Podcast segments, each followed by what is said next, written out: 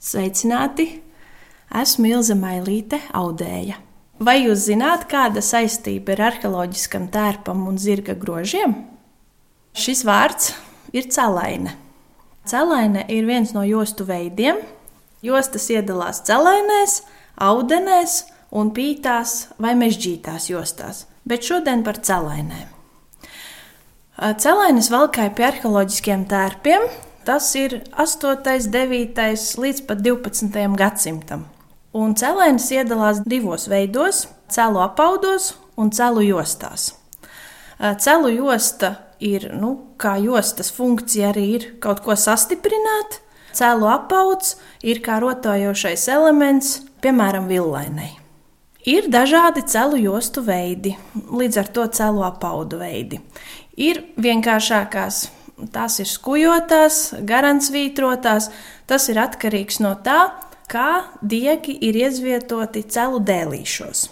Mūsdienās tie ir vai nu kartona, vai nu koka četkantaini kvadrātiņi ar nopaļotiem galiem, un katrā stūrī ir viens caurums. Celainas platums ir atkarīgs no tā, cik celu dēlīši tiek izmantoti, taču parasti celēnes platums nepārsniedz pusotru, divus centimetrus.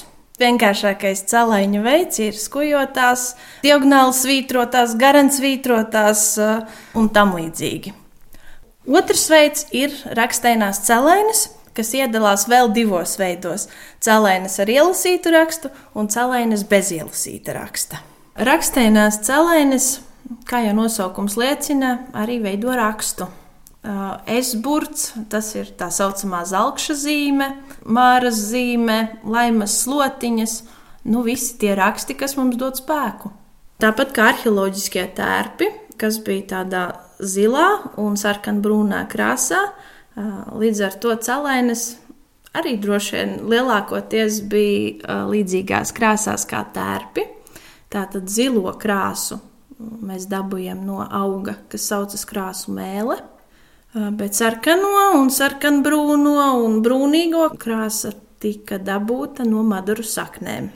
Tur ir bijusi tāda ļoti liela darīšana, jo maduru saknes ir jāizrok, viņas ir jāizkaltē, viņas ir īpaši jāsasmalcina, bet uh, gan krāsu mēlis krāsotajos audumos, un līdz ar to dzijā, gan arī maduru sakņu krāsotajā uh, ļoti liela nozīme bija saulei krāsas iegūšanai un nostiprināšanai.